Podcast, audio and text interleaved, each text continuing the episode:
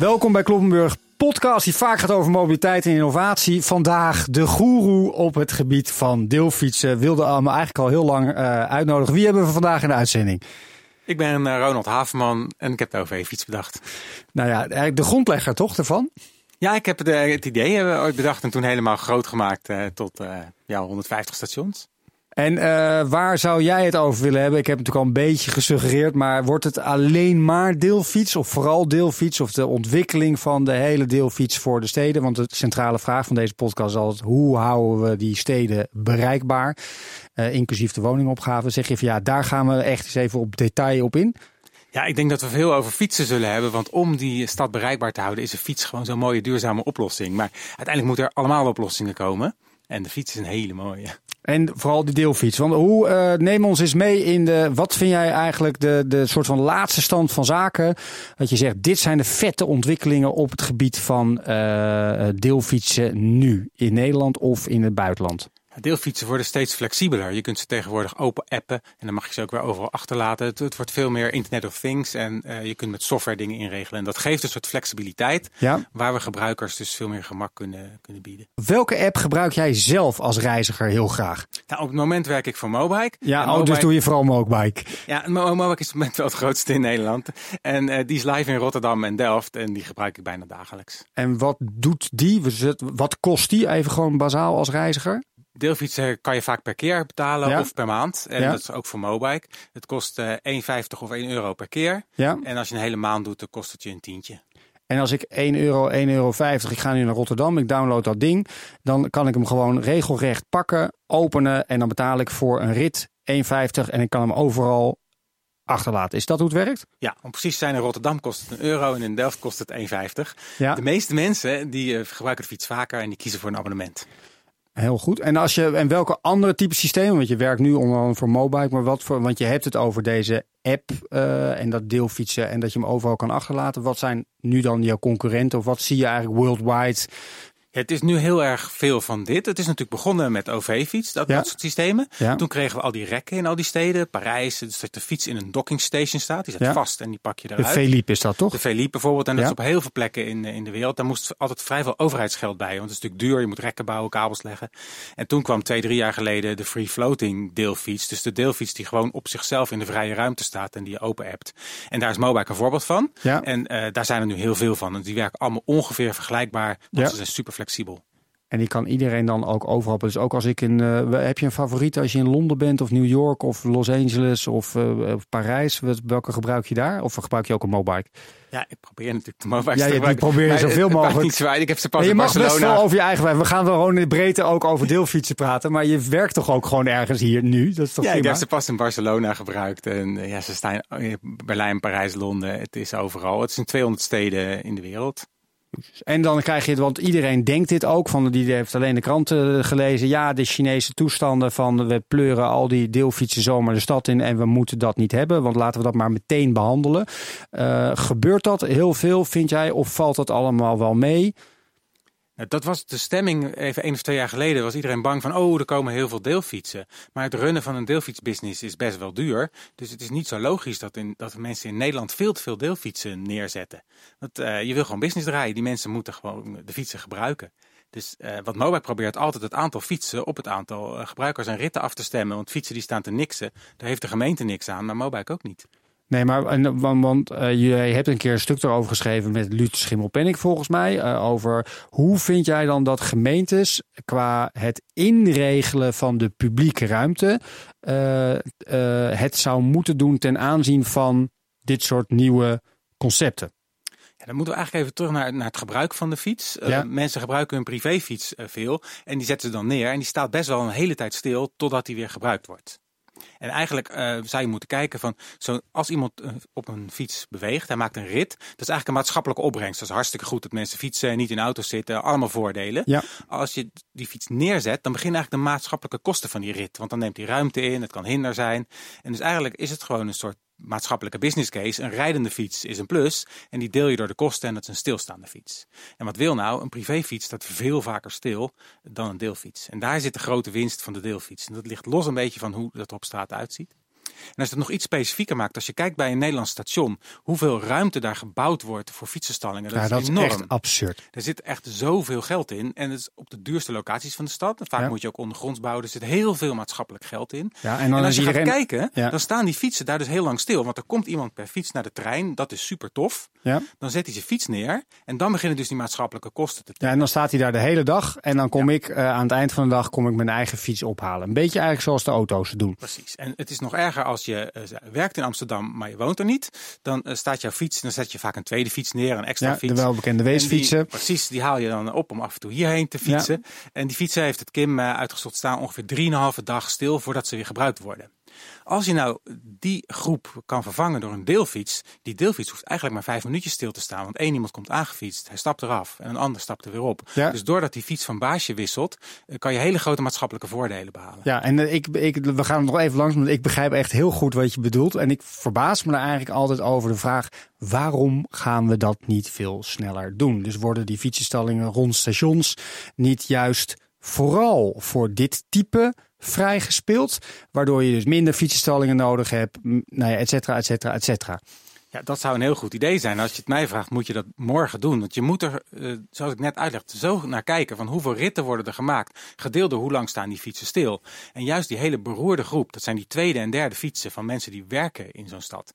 Ja, die kan je heel makkelijk vervangen door deelfietsen. En daar zit dus enorm maatschappelijke voordelen maar als mijn eigen fiets al, zeg maar, bij wijze van spreken een deelfiets zou zijn, ga ik van maandag tot en met vrijdag, kom ik dan aan op dat burgerlijke station Haarlem, bij wijze van spreken. En dan komen ook mensen uit. Waarom zouden ze dan niet mijn fiets mee? Want die gaan ook wel weer naar huis toe meestal. Er zijn niet dan, als zij komen werken in Haarlem, pakken ze mijn fiets voor die dag mee, pakken ze datzelfde deelfietsje en die komt om vijf uur weer vrij. Of om acht uur, het ligt een beetje aan hoe laat ik thuis kom. En dan pak ik hem weer. Dus dat, heb je dat soort type systemen ook echt voor ogen? Dat dat ding voor mij dan ook weer naar mijn huis toe kan? Want ik wil uiteindelijk wel naar huis. dat, is natuurlijk de issue. Precies. Dus het, dat soort systemen wat jij noemt bestaan, dat zijn peer-to-peer deelfietssystemen. Dus dat je je eigen fiets in het systeem zet en dat zou kunnen werken. Maar je stipt eigenlijk zelf het probleem al aan. Je wil aan het einde van de dag je eigen fiets terug. Ja. Dus dat is logistiek heel moeilijk. Want als die andere uh, moet overwerken of die was toch weer ziek, dan werkt het niet. Als je met een vlootfietsen werkt, dan uh, gaat het veel beter. Want dan hoef jij niet per se je eigen fiets terug, dan wil je een fiets terug hebben. Ja, maar dat was ook grappig. Ik probeerde ook te zeggen, ik wil niet mijn eigen, maar ik zei het misschien verkeerd. Ik bedoelde dat mijn eigen fiets een deelfiets is. Ja, en jij memoreerde Luut Schimmelpenninck al eventjes, de, de, echte vader van, ja, van de, de in de wereld van, natuurlijk. Ja, en een aantal jaar geleden heb ik met uh, Luut Schimmelpenninck samen OV-fiets at home bedacht. Dus dat was, zat dat idee in, dat je niet alleen de OV-fiets gebruikte voor het laatste stukje van je reis, maar dat jij in Haarlem gewoon de OV-fiets thuis ook gebruikte. Ja, dat je serieus? Dan, uh, ja, precies. Oh, dat heb ik niet gelezen. Hoor. Is dit ooit gelukt of is, dit een, een idee geweest slechts? Nee, het is op kleine schaal uh, gebeurd, maar dan was dus het idee dat jij, dat jij die fiets s s'avonds naar je schuurtje meenam en dat die, dan bracht je hem weer naar het station en dan kon meteen iemand in Haarlem op die OV-fiets stappen weer. Ja. Doe ons eventjes toch die geschiedenis van die deelfiets, omdat jij er, uh, je refereerde net aan. Maar hoe is ooit de OV-fiets eigenlijk dan ontstaan? Ja, ik uh, woon in de grote stad en um, ik vond het daar super gaaf om te wonen. Het is heerlijk. Er is maar één grote maar en dat is dat er altijd auto's om je heen rijden met uitlaatgassen en heel veel. Ja. die auto's moeten ook extra veel rijden, want die rijden rondjes op zoek naar parkeerplaatsen. En toen dacht ik, ja, hoe mooi zou het nou zijn als de mensen eh, met de trein zo'n stad inkomen en dan het laatste stukje fietsen. Want het probleem is natuurlijk, die mensen nemen die auto omdat ze deur tot deur willen, want dan komt die trein niet. Dus uh, hoe mooi zou het zijn als je het laatste stukje op de fiets kan. En wanneer leven we nu? Hebben we het over? Wanneer heb je dit bedacht gedaan? Waar, wat was het eerste moment? De eerste ik werkte bij ProRail en zat in een denktank. En toen uh, wilden we kijken van hoe kan de trein beter uh, concurreren met onder andere de auto. En welk jaar hebben we het gewoon? 2000. En toen heb ik. Uh, dus nu in 19 jaar gingen we van nul OV-fietsen of deelfietsen naar nu ongeveer om en nabij? Ja, ja zo, zo is het gegaan. Dat, de eerste jaar gaat het langzaam en dan gaat het eh, steeds sneller natuurlijk. En toen waren er nog bijna geen deelfietsen in de wereld. Hè. Luut Schimmelpenninck had in de jaren 60 dat idee neergezet. En er waren een paar hele kleine ja, en je had op de, op de, de Veluwe dat witte fietsenplan. Dat we daar was, refereerde iedereen dan altijd aan. Er was iets in, eh, in Denemarken, maar Parijs en zo, die waren er allemaal nog niet. Nee. Wat zijn de belangrijkste dingen waarvan je, want het gaat eigenlijk over een start-up, over iets nieuws uh, doen. Wat zijn de belangrijkste dingen als je terugkijkt op die periode? Nou, het was vooral wat we wilden bereiken. Want wat, ze zeggen altijd, uh, Nederlanders fietsen heel veel. En dat is ook waar. Maar Nederlanders fietsen eigenlijk alleen maar in een cirkel rond hun huis. omdat daar hun fiets staat. Want ja, ja, als je je fiets niet bij hebt, kan je niet fietsen. Nee, en dat was een soort probleem. Dus er zat eigenlijk een enorme potentie dat Nederlanders veel meer konden fietsen. Want we houden van fietsen. Alleen je moet zorgen dat ze een fiets hebben op al die plekken buiten die cirkel. Dus, dus in het hele land. Ja. En daar ben ik met OV-fiets mee begonnen. Door op al die grote stations uh, ook fietsen aan te bieden. Zodat je eigenlijk allemaal nieuwe cirkels creëert waar mensen ook uh, kunnen gaan fietsen. En dat was van het begin af aan ons doel. Dus je gaat met de trein van de ene stad nee, naar dat de snap andere. ik. Dat snap, dat snappen we. Dat snappen we nu. Dat begrijp ik. is goed misschien om nog een keer uit te leggen. Maar ik ben dan vooral geïnteresseerd in hoe kreeg je die eerste mensen erop? Wie ging het als eerste doen? Hoe ging je van de eerste vijf naar de eerste honderd naar duizend, naar tienduizend, naar wat waren de eerste? Hoe deed je dat? Uh, ja, dat, dat ging stap bij stap. We zijn uh, eigenlijk vrijwel meteen naar de Fietsersbond gegaan. Omdat we wilden eigenlijk een systeem maken wat, wat super makkelijk is. Want als je, er zijn heel veel innovaties en die zijn niet zo handig. En dan moet je ontzettend duwen en trekken om er toch nog wat van te maken. Dus wij dachten, laten we nou samen met de Fietsersbond meteen al kijken dat we het zo slim mogelijk doen. Want ja, een fiets en een fietser, dat is eigenlijk net als water. Het zoekt de makkelijkste weg. Dus als jij gaat proberen iemand zijn fiets neer te laten zetten om een hoekje of in een bovenrek. Dan krijg je allemaal hele lastige weerstanden. Dus toen hebben we eerst heel goed nagedacht dat die fiets vooraan moest staan en beneden. En toen we dat helemaal goed uitgeknobbeld hadden, is eigenlijk de groei vanzelf gegaan. Want we hadden geen geld voor marketing of zo. Dus dat is stap bij stap zijn mensen gaan ontdekken van hé, hey, dit is handig, dat wil ik gebruiken. Wat ik altijd ook nog wel interessant vond, maar kan jij bij jou nu live gewoon toetsen of het ook zo is gegaan. Maar dat het in eerste instantie niet van de NS of ProRail, maar dat daarbuiten eigenlijk soort van opgezet is. Wel aangejaagd door, maar dat jullie ook heel veel hebben kunnen klooien en pionieren. En, en dat het pas in een veel later stadium, volgens mij 2009, 2010 of 2011, echt weer teruggebracht is binnen de corporate wereld. Klopt dat of is dit een mythe? Nee, zo is het ongeveer gegaan. Het is opgezet binnen ProRail, want ik werkte als innovatiemanager bij ProRail toen. Ja. Uh, maar al vrij snel hebben we het uh, verzelfstandigd in de stichting OV-fiets, waar ik ja. bestuursvoorzitter van was. De belangrijkste reden daarvoor was dus ProRail is een business-to-business organisatie, die doet geen consumentenzaken. Dus er moest toch steeds een paar euro voor die fiets geïnd worden. Dus toen is het verzelfstandigd in de stichting OV-fiets. En die hebben het groot gebracht van de eerste locaties tot 150 stations. En dat was inderdaad in 2008. Toen is het overgegaan uh, naar de Nederlandse spoorwegen, naar de NS. En als je, want we hadden het even kort over, er moesten euro's uh, bij, ja dan de nee. Wat ik nog als fundamenteel onderwerp, de business case van de deelfiets. Als we kijken naar de verschillende systemen, of ingaande op OV-fiets, ingaande op gewoon deelfietsen free floating. Hoe ziet die dan die case in elkaar? Zegt een OV-fiets, die kost om in te kopen, weet ik veel, 200 euro, 500 euro, 100 euro of weet ik veel wat. En dan moet je een x aantal ritjes doen. Zo bazaal is het toch, plus je moet dat ding onderhouden. En ja, stallen. Je, je kunt dus twee business cases maken voor de exploitant, de meer de commerciële business case, ja. en de maatschappelijke business case waar we het al even over hadden. En ik vind vooral het grote plaatje van hoe schiet Nederland ermee op heel erg interessant. Dus, ja. dus de maatschappelijke business case. En daar dat is heel grappig als je daar naar kijkt. Want die kosten van die fiets die vallen in het niet bij die stationstallingen die gebouwd moeten worden, bijvoorbeeld. Dus die, die bedragen die er om het, met het fietsenstallen gemoeid zijn, die zijn zoveel maal groter dan de kosten van zo'n fiets. Dus die zelf is niet zo relevant. Nee, maar dat snap ik. Maar dan krijg je toch, en het is natuurlijk ook een enorm voordeel voor de treinenbusiness aan zich, dat je dat natuurlijk hebt als additioneel product. Maar jij kent als ook als geen ander dat die silo's erin zitten. Van ja, maar op een gegeven moment wordt er tegen de stichting OV-fiets, misschien werd het helemaal niet tegen jullie gezegd, of tegen de OV-fiets nu, of dat het een BV is. Ja, maar jullie moeten gewoon je eigen broek ophouden. Daar moet niet, leuk dat er maatschappelijke winst is, maar je moet het zelf rond kunnen draaien. Of ja. is dat nooit is dat überhaupt ja. gelukt? Ja, ja dat, is, dat was het mooie. Want de Stichting OV-fiets was heel klein. We, we, werkten met een paar studenten. Het was een vrij kleine organisatie. Ik dus zie je helemaal kosten. glunderen. Dat is mooi. Ja, Mensen kunnen ook, je gezicht niet zien. Dat had ook echt de start-up uh, mentaliteit. Het waren super goedkoop. En daarmee konden we rendabel worden. Dus toen wij het achterlieten in 2008, toen draaiden we break-even. Dus er hoefde helemaal geen geld bij. Oké, en, maar, maar, en hoe kijk je dan naar de, uh, niet de business case van Mobike, maar ik zie het ook bij de steps en bij allemaal andere dingen dat ik na zit te denken dat ik denk, jeetje, je moet die dingen onderhouden. Ze moeten ook bij een free floating systeem even, het gaat even niet over Mobike, maar over iets anders, moeten ze weer teruggebracht worden. Dus ik zit vaak, hoe krijg je dat in hemelsnaam rendabel? Ja, als we daar, zo daarop ingaan, want ik wil eigenlijk nog even terug naar die cirkels. Want we begonnen helemaal vroeger had je alleen die cirkel rond je huis om te fietsen. Ja, prima. En toen uh, kwam ik met OV-fiets op de proppen. Hij neemt zelf de regie over van de podcast. Heel goed, gaan we door. En toen hebben we allemaal cirkels bijgemaakt. Dus dat was al een enorme stap voorwaarts. In plaats van dat je alleen in de cirkel rond je huis kon fietsen, kon je in al die cirkels gaan fietsen. En maatschappelijk schoten we daar ook veel mee op, want dan hoefde je uh, geen tweede fietsen meer te zetten in die, in die stalling. Maar uh, als je dat op een landkaart bekijkt, Nederland is veel groter dan de cirkels rond die stations. Dus dan zie je nog heel veel grote uh, lege stukken. En daarom ben ik zo blij dat een paar jaar geleden die, die free floating deelfiets tevoorschijn is gekomen met die smart lock die je open appt. Want daarmee kunnen we eigenlijk uh, het hele land invullen. Omdat je die fietsen kun je overal oppakken en overal weer achterlaten. Omdat ze zo flexibel zijn dat je met software kan inregelen. Dus waar we begonnen zijn, je fietst alleen in de cirkel rond je huis. Ja. Toen zijn we naar OV-fiets gegaan, hebben we 200 cirkels uh, gecreëerd. En nu hebben we eigenlijk de kans om de rest van Nederland ook in te vullen. Zodat mijn droom dichterbij komt. Want mijn droom is eigenlijk dat je overal altijd een fiets kan pakken. Dat waar je ook bent in Nederland, dat je in je vingers knipt. Of praktisch je swipet over je telefoon. Ja. En je hebt een fiets voor het stukje wat je wil uh, fietsen. En, en ook dat je, heel gewoon... makkelijk weer die fiets kan achterlaten. En, en dan, dan laat je zo. gaan reizen nu fictief in jouw droom. Gaan we nu naar, laten we zeggen, even niet een te grote stad. We gaan naar Venlo of all places. Ik verzin het ter plekke. We zijn gearriveerd in Venlo niet bij een station, maar we zijn per auto gekomen. Zijn er dan ook al in de periferiegebieden waar de dichtheid niet zo heel hoog is, zouden daar in jouw droom ook al gewoon vijf deelfietsen staan? Uh, ja, ze zijn er nu natuurlijk niet. Nee. In mijn droom zouden ze wel overal zijn. Maar in mijn droom zou jij niet met de auto naar Venlo gaan.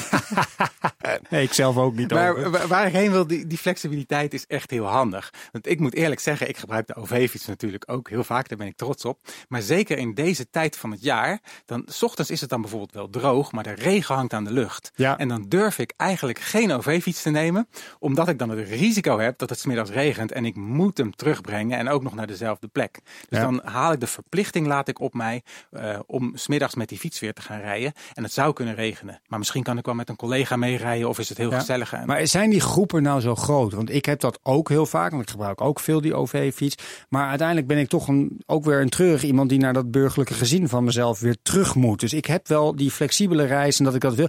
Hoe hoog is dat percentage van die mensen die dat doen? Nou, het, je, moet mensen, je moet mensen vroeger ook niet vragen van wil je een mobiele telefoon hebben? Nee, dat klopt. En, wil je een... Ja? Dit is precies het, hetzelfde. Eh, mensen denken nu, dat, dat, vroeger dachten ze dat je met die fietsen rond je huis al klaar was. En nu zijn gelukkig heel veel mensen worden blij van de OV-fiets. En ik word weer blij als ik al die mensen zie fietsen. Ja? Maar als je dan een stap verder brengt, dan zie je dus in die plaats waar nu Mobike is, in Delft en Rotterdam, dat mensen dat, dat nieuwe, ook, je moet even ontdekken. En dan eh, ga je ervan genieten dat je dus um, een stap, het eigenlijk een soort stapvergroter. Je pakt een fiets ergens en je rijdt ergens heen en je kunt hem weer loslaten. Je hoeft niet per se terug. En dat duurt eventjes totdat je dat, uh, begrijpt. dat begrijpt en dat je dat gemak ervaart. En dat betekent, je gaat heus wel terug. De meeste mensen gaan weer terug naar een huis aan het eind van de dag. Maar je hebt heel veel opties. Je zou ook met een Uber terug kunnen gaan of met een scooter of met een bus. En je hoeft niet van tevoren vast te leggen dat je met die fiets weer terug moet. Nee, dat en een ander voorbeeld hier in Amsterdam bijvoorbeeld. Als je op uh, Centraal aankomt en je pakt daar een, een, fiets. Dan zou het super lekker zijn als je hem hier op Amstel of op Zuid weer mag inleveren. Wat zijn de type klanten of de reizigers los van jezelf? Want die is al langer enthousiast, maar jij bent volgens mij al ver voor de muziek uit. Wie doen het nu in Delft en Rotterdam? Dat is eigenlijk mijn vraag. Ja, het is op zich vrij breed. Uh, heel veel studenten, jonge mensen, ook dus studenten en mensen die in hun eerste baan zitten, die zijn ook heel erg gewend om te werken met apps. Ja. En die zijn ook, uh, waarschijnlijk zijn die al wat verder in de transitie van bezit naar gebruik. Die vinden het heel normaal om in een Uber te stappen en op een fiets die niet van hunzelf is.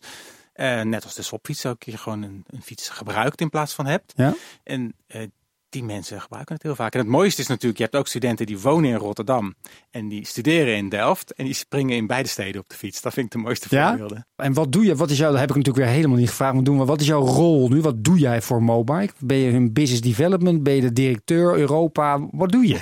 nee, dat niet. Ik, uh, ik zorg dat het in Nederland werkt, dus ik heb het geïntroduceerd in, uh, in Delft en in Rotterdam. En je bent nu nog op zoek naar allemaal andere steden waar je het ook wil gaan doen? Ja, dat is heel erg een samenwerking met, met gemeentes. Dus uh, waar, waar twee jaar geleden iedereen zoiets had, oh wauw, let op, de deelfietsen komen aange... Ja, die maken alles kapot. Is het nu dat uh, we heel erg in overleg gaan van uh, deelfietsen werken als en de gemeente en uh, deelfietsenbedrijven er heel blij van, van worden. Want uh, als je tegen elkaar in gaat werken, werkt het niet. Dus we zijn op zoek, maar alleen op zoek naar gemeentes die er echt zin in hebben. En dan gaan we samen iets moois neerzetten. En dan nog even die voorbeelden uit het buitenland. Welke vind je daarvan echt goed qua deelfiets? Dat je zegt, nou die steden hebben het echt al goed voor de bakker. Ik vind Parijs toch ook wel mooi. Dus wel wat, dat, daar is het afgelopen tien jaar heel goed gegaan met die rekken. En eigenlijk werkt het nu wat minder goed. Ja, wat ik hoorde was daar laatst, toen zei ik weer dat ze failliet waren en dat ze het niet konden ronddraaien. En dat die dockingstations allemaal duur, zoals jij zelf ook zei. En dat ik dan weer denk, ja, weet je, voor de stad is het, en maatschappelijk gezien, is het een enorme winst. Maar dan is weer de vraag, dat is natuurlijk in een aanbesteding gegaan. En de JCDCO verdiende hun geld op een andere wijze. Maar niet vanuit de business zelf. De metro daar, die betaalt niet. Dus het komt niet vanuit de OV-kant, wordt dat niet gefinancierd. Dus je hebt een systeem wat nu bijna misschien weggaat. Waar iedereen als klanten heel enthousiast was. Grote maatschappelijke meerwaarde. En nu zit iedereen daar een beetje elkaar aan te kijken van wie pakt hem nou? Ja, en dat vond ik ook het mooiste, vind ik het mooiste aan OV-fiets. Het was uh, heel simpel qua opzet. Het was heel, heel voordelig om te, om te hebben, de, niet die dure infrastructuur. En toen is er een hele generatie gekomen met die dockingstations, zoals Parijs. Ja. En ik denk dat die zeker hun nut bewezen hebben, want die hebben dat soort steden aan het fietsen gekregen. Maar intussen kost dat de gemeenschap natuurlijk enorm veel geld. Volgens mij betalen ze 70 miljoen per jaar in Parijs. Uh, ja, en in New York kost ook gewoon echt geld. Ja, en nu komen er dus... Um, doordat je die nieuwe free floating hebt, kan je dat voordeliger doen. En dat is zo nieuw dat we dat nog een beetje moeten inregelen met elkaar. Maar als je heel ruw daarnaar kijkt, dan is zo'n zo'n plek in zo'n docking station, dus waar je de fiets instopt, ja. is ongeveer een factor 10 keer zoveel als de kosten van een fiets. Ja. Dus daar zie je dat als je dat met elkaar slim regelt, dat je als geheel geld kan besparen. En dat je dus kan zorgen dat, dat het de maatschappij ook minder geld kost. En zie je dan die free floating systemen op drukke punten als bijvoorbeeld uh, Times Square of de Dam? Uh, hoe vind je dan, ik ben nou even wethouder geworden van de gemeente Amsterdam en van New York by the way. En jij komt bij mij langs en je zegt ja, jij bent de grote expert op het gebied van deelfietsen. Wat moet ik nou voor de publieke ruimte zeggen op het Damrak of de Dam of het Rokin? Waar los van het feit of die dingen van Mobile komen of van weet ik veel wat voor bedrijf, I don't care eventjes. Maar wat zou ik dan moeten doen? Moet ik iets lijnen gaan tekenen? Moet ik dat juist wel doen of juist niet? En het gaat natuurlijk even over de hele drukke stukken. En dat is best een lastige vraag. Die ja, met daarom elkaar stel ik hem ook. Die we met elkaar de, de komende jaren eigenlijk nog moeten ontdekken. Wat nou het, het, het, winnende model wordt. En als je het me nu vraagt, dan zou ik zeggen van op hele drukke plekken eh, is het uh, wellicht tof als de gemeente vakken maakt van hier mogen deelfietsen staan. Hier ja. mogen uitsluitend deelfietsen exact. staan. Uh, en niet dat... meer dan zoveel en dan is het klaar, whoever there, there may be. En op het moment dat er wel ruimte is, ja dan wel. Ja, daar komt alweer het, als de gemeente heel veel eisen aan die vakken oplegt, dan gaat het niet werken. Als uh, bijvoorbeeld de gemeente Amsterdam had een ontwerpidee van, dan gaan we zeggen dat de deelfietsaanbieder er altijd voor zorgt dat er nooit meer dan puntje puntje fietsen in zo'n vak staan. Ja, dat zou ik ook zo kunnen verzinnen. Dat, ik zie jou al kijken van, doe dat nou niet. Nou ja, dat wordt wel lastig, want uh, dan gaat die, dat deelfietsenbedrijf vermoedelijk heel veel geld vragen, want uh, die zadelt daarmee de verplichting op voor een, eigenlijk een oneindige herverdelingsoperatie. Want stel dat er een klein popfestivalletje naast dat vak is en er komen duizenden mensen aangefietst, dan hebben zij de verplichting op zich geladen om al die fietsen weer weg te halen. Dus uh, dat soort uh, verplichtingen, daar hangt een prijs aan. En, uh, maar de grote vraag is, hoe wel? Nou, ik ben... Het van die vakken is denk ik best wel goed. Maar ik denk dat je weinig moet regelen. Uh, maar wel een aantal dingen. Je kunt die vakken doen. Maar als je ervoor zorgt, misschien moet je eigenlijk naar je doel gaan. We gaan terug naar het doel. We zeggen we willen bewegende deelfietsen hebben. Ja. En ze moeten zo kort mogelijk stilstaan. En ga daar, moet je dan, daar naar als, kijken. Als uh, gemeente Amsterdam zeggen en als alle gemeenten in Nederland. Nou, we willen die deelfietsen wel. Maar we gaan iets afspreken, een bepaalde target. Dat die fietsen niet langer dan zo lang stilstaan achter elkaar. Uh, laat ik het voorbeeld nemen van Delft. Vind ik interessant. Daar zit nu Mobike. Daar heeft de gemeente van gezegd. Goed, maar stel dat er vier concurrenten zou komen. Is iedereen free to come onto the market? Of is het een gereguleerde uh, business vanuit de gemeente Delft of Rotterdam? Of mag iedereen het zomaar gaan doen? Het is allemaal nog zo uh, nieuw, dat is eigenlijk nog niet helemaal uitgekristalliseerd. Eigenlijk zitten die steden nog in pilotfases. En uh, de, dus het is nog niet helemaal duidelijk. En heb je bijvoorbeeld in buitenlandse steden ook waarbij je eigenlijk twee, drie, vier aanbieders in een specifiek gebied hebt? Dus dat ik een groene deelfiets mobike heb en die en die en die en die? Ja, dat komt voor. Uh, dat is um, uh, niet zo heel wenselijk voor de stad vaak, omdat um, als je een deelfiets wil kunnen pakken, moet er eentje in de buurt zijn. Je wilt ja. een bepaalde dichtheid over ja, je stad je moet een netwerk hebben. Precies, ja. je hebt een soort netwerk nodig. Het hoeft er niet heel veel te zijn, maar je moet wel binnen bijvoorbeeld 50 of 100 meter zo'n fiets kunnen pakken, want dan werkt het lekker makkelijk. En als je dat voor de mooie rode fietsen voor elkaar hebt en de oranje, dan, en dan komt een gele fiets, dan wil je het ook nog voor de gele. En, en dan krijg je dus heel veel fietsen in je stad, omdat iedere aanbieder een soort minimale laag wil neerleggen. Ja, dan krijg je die netwerken die zeg maar over elkaar heen liggen. Ja, en dan krijg je dus onnodig veel fietsen. Dus in die zin is het voor een stad misschien beter als er wat minder uh, verschillende soorten op dezelfde plekken staan. Laten we terug naar die reiziger en het gemak wat het geeft, dit soort type systemen. Uh, wat ik wel een goed voorbeeld zelf vind, dat ik gewoon veel vaker, als ik met de trein naar Den Bosch of ergens anders, dat ik het fijn vind om nog even die deelfiets te pakken. Omdat ik nog een stukje beetje door die stad en zo zit. Dat ik zeg, dat soort bijkomende voordelen eigenlijk pas voor, ook voor mij als een frequent user, pas heel laat in mijn gedrag veranderen. Merk jij dat bij meerdere mensen? Ja, het is sowieso fijn om te horen dat je graag eh, deelfietsen gebruikt. Maar ik denk dat het voor heel veel mensen belangrijk is dat het echt heel makkelijk gaat. En we zitten nu uh, met, met de smartphone en daar kan, kunnen dingen steeds makkelijker mee. Je kunt heel makkelijk een Uber swipen, een, een deelauto en een taxi. En het wordt alsmaar uitgebreider. Ja. En mijn geloof is dat we ervoor moeten zorgen dat je die fiets ook heel makkelijk kan swipen. En dat die overal beschikbaar is. Dat heb ik al een aantal keer gezegd. Maar waarom vind ik dat nou zo belangrijk? Uh, ik geloof heel erg in het goede van de mens. Uh, de mens die gaat vanzelf gezonde en duurzame keuzes maken. Als die als keuzes makkelijk maar is. heel makkelijk zijn. Ja. Als je daardoor drie keer door een hoepeltje moet springen en inschrijven, nee. Dan gebeurt het niet. Maar als ik er nou voor zorg dat overal altijd een deelfiets beschikbaar maar dat is. Ja. En dat die net zo makkelijk beschikbaar is als een deelauto en een taxi. En een Uber andere, en de hele... Dan, dan, geloof ik in de goedheid van de mens. Ja. Als ik jou de sleuteltjes zou geven uh, van de, als, als een staatssecretaris maken. Wat zijn de belangrijkste drie dingen die de Rijksoverheid zou ja, moeten doen? Dat is, dat is, een interessant onderwerp, want dan ga je eigenlijk kijken wat subsidieer je en wat belast je. En dan zie je dat de fiets ten opzichte van de bus en de trein daar wel een beetje karig van afkomt. Je hebt ook nog een verschil in BTW. Treinen en bussen zitten in een laag BTW. Maar Zes en betaal je... een huurfiets zit in een hoog BTW-tarief. Dus de OV-fiets betaal je 21% BTW over. En eigenlijk het punt wat ik wil maken voor de staatssecretaris en alle... Je oproep. Mijn oproep is, denk goed na. Wat is nou het meest groene vervoermiddel? En zet de incentives op je meest groene vervoermiddel. Dus benadeel niet de fiets nee, bazaal is ten BTW. van de bus. Nee, dat snap ik. Maar BTW is een, is een hele, hele simpele. Dat hoor je eigenlijk altijd van alle lobbyclubs. Maar welke, ik bedoel... Vind je dan dat pleit je er nou voor dat je zegt, ja, ik wil dat er meer subsidie richting de deelfiets gaat, want de rest krijgt zoveel? Laat ik het zo zeggen, als je het een enorm gaat subsidiëren en het andere laat je marktconform zijn werk doen, dan is er een dikke kans dat het voor de consument uiteindelijk goedkoper is om in een bus te gaan zitten dan op een fiets. Ja, eigenlijk is jouw algemene oproep van we zouden met die deelfiets nog veel meer kunnen. Ja, dat denk ik wel. Dat mensen kunnen veel, worden er veel gezonder van. En lopen en fietsen, dat zijn toch de verreweg de duurzaamste en gezondste manieren om je te verplaatsen. Zeker als je kijkt naar, naar nieuwe moderne steden, de compacte stad. Dan zie je de auto ook overal knellen.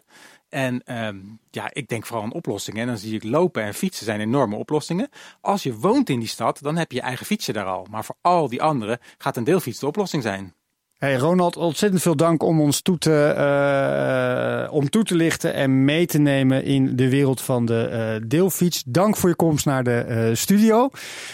voor luisteraars, dank voor het luisteren. je kunt een reactie sturen naar Geert Loppenburg. Deze podcast is te luisteren via Expert Podcast Netwerk van BNR en via mijn website. Ronald, heel veel dank voor je komst naar de studio en luisteraars graag tot een volgende keer. Dankjewel. Graag gedaan.